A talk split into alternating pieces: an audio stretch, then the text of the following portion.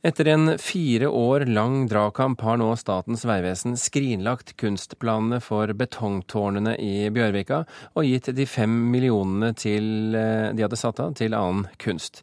Men de 40 meter høye betongtårnene står fortsatt ved foten av Ekebergåsen, til liten begeistring for dem som går forbi. Altså, det virker som det er unaturlig. At de bare stikker opp. De tårna, ja.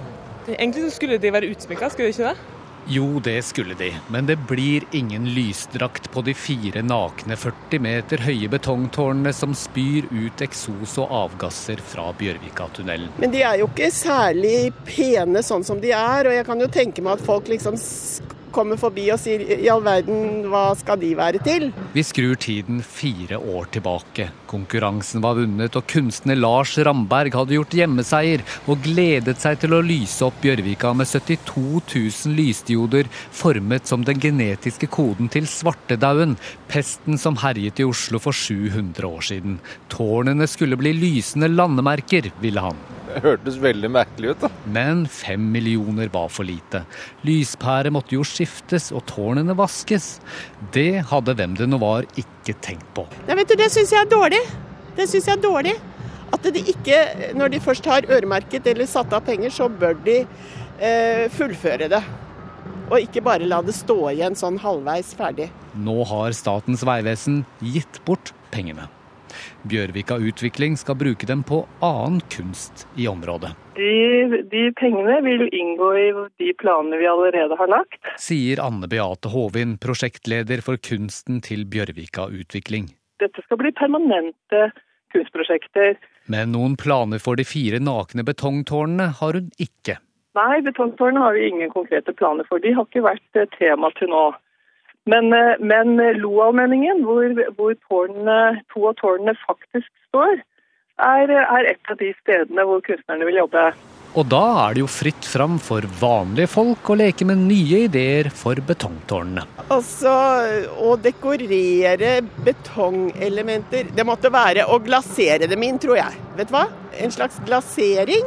At det ser ut som en skyskraper? ja. Kanskje vi kan få tagga dem litt? Det kunne vært en idé. Fin, fin graffiti hadde jo gjort seg. Men Det er kanskje litt vanskelig å komme i høyden, men det syns jeg kunne vært en idé. Og Jeg ville spurt Lars Ramberg, kan du utsmykke det? Kjenner du han? Eh, ja. Så jeg syns jo det hadde vært finere hvis de hadde vært utsmykka. Det må jeg innrømme. Av hensyn til kameraten din? Nei, han er ikke en kamerat. Han er en, eh, hva heter det, en profesjonell eh, bekjentskap. ja. Det var reporter Petter Sommer som hadde laget denne reportasjen. Per Næss, juryformann da Lars Ramberg vant utsmykningskonkurransen for fire år siden. Hva er det som går tapt nå som det ikke blir noe kunst på tårnene i Bjørvika likevel? Det som går tapt, er et av de virkelig betydelige kunstprosjektene i senere tid i Oslo. Det er et stort prosjekt. Det er det ville vært markert seg, både i Oslo, både lokalt, som det det var tenkt som, som et landemerke for Lohavn, altså den opprinnelige Oslo. Og, den ville estetisk vært vakkert. Det ville innholdsmessig snakket om det som denne bydelen har som historie. Og den ville samtidig vært et moderne kunstverk som også peker fremover. Men hvorfor er det viktig å dekorere disse tårnene? De står jo der for å slippe eh, avgasser fra tunnelen ut og opp i lufta, så ikke folk puster inn. I utgangspunktet så har jo by- og planetaten i Oslo lagt eh, ganske mange planer rundt dette med Bjørvika og Bjørvika-området i forhold til kunst, og de har svært mange ting de ønsket å realisere. Men da Statens vegvesen skulle bygge tårnene, så kom dette opp at de kunne brukes til et kunstprosjekt. Og Statens vegvesen var interessert og sa ja til det. Og de burde da, når de først har sagt ja, så burde de også kunne følge dette helt frem. Ingunn Risnes, seksjonsleder i Statens vegvesen i Oslo. For fire år siden så kåret dere en vinner av utsmykningskonkurransen uten at dere egentlig hadde nok penger til akkurat det prosjektet. Hvordan kunne det skje? Ja, altså Det er jo beklagelig at man ikke klarer å gjennomføre prosjekt som det har vært konkurranse om og det har vært kåret en vinner. da. Men problemet i det tilfellet her var at det ble langt dyrere enn det vi hadde forutsatt.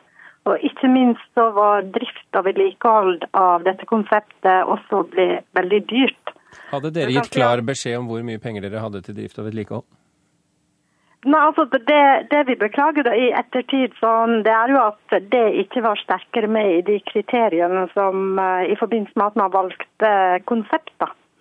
Så uh, det har i hvert fall en lærdom vi tar med oss nå, at vi må tenke ikke bare investering, men også hvordan dette skal driftes og vedlikeholdes. For som det ble sagt, det er 72 000 bystioder, og det står i et byrom der det sannsynligvis også vil være behov for vask. og det vil bli ganske dyrt å drifte. Også energikostnader bl.a. på et sånt prosjekt. Hva syns du om denne, hva, unnskyld, Risnes, hva syns du om denne forklaringen, Hess? Eh, jeg kan ikke helt gå inn på den. Jeg syns i utgangspunktet så er den eh, slik at uh, Lars Ramberg uh, først hadde frie hender for kunstneren som vant, kunstneren som vant prosjektet. Ja, hadde frie hender til å utforme prosjektet helt fritt, og kom frem til en eh, sum som ville være totalsummen for det realiseringen av det prosjektet.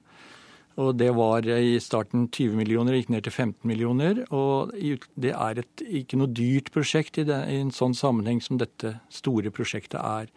Og senere har også Lars Ramberg laget, eh, da han hørte at summen ville kanskje bli 5 millioner, så har han laget et utkast som kunne realisere seg for de fem millionene, men samtidig så sa han klart at han har uh, mulighet for å skaffe sponsorer for den resterende beløpet, slik at hele prosjektet kunne realiseres. Men det har han, eh, viser det seg at han ikke har klart. Um, Ingunn Risnes, hva tenker Vegvesenet om alle de kunstnerne som har lagt ned tusenvis av arbeidstimer for dette, denne utsmykningskonkurransen, ikke minst vinneren Lars Ramberg, og så blir det ikke noe av? Nei, det må vi bare beklage. Men da må jeg bare få supplere litt at i ettertid, etter 2008, så har det vært uh, gjort uh, både skriftlig og muntlig uh, kontakt med Lars Ramberg for å få til et redusert konsept. og jeg er ikke kjent med det som Hess her sier, da, men Du er ikke kjent med det? Men, Nei, jeg er ikke kjent med at, at, eh, det skulle, hva slags eh, konsept det skulle være. Det jeg vet er at det ikke ble enighet eh, med Statens vegvesen og Lars Ramberg om det reduserte konseptet. Så der er vel Statens vegvesen og Lars Ramberg blitt, har litt forskjellig oppfatning da, om hva som faktisk skjedde i ettertid. Eh, og Det har som sagt vært en prosess, og til slutt så ble det sånn at vi bare konstaterte at det ikke var mulig å komme fram til en enighet, og så ble det prosjektet skrinlagt.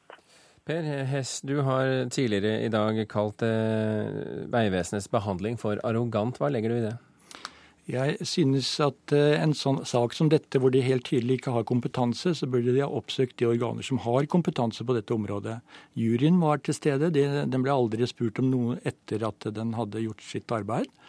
Vi har også KORO, Kunst i offentlig rom, som er statens eget organ for kunst, som har vært kontaktet. Og de er behjelpelige med å lage eh, kontrakter med kunstnere, slik at man får frem alle fakta.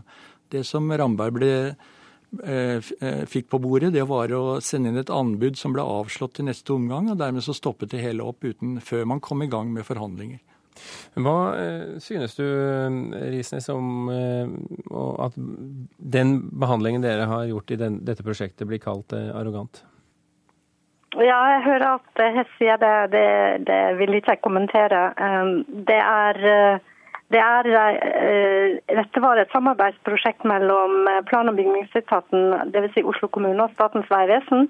Og eh, vi må bare beklage at prosjektet, altså vinnerutkastet, ikke lot seg realisere. Og så er det vel litt ulike oppfatninger om den prosessen som har vært i ettertid.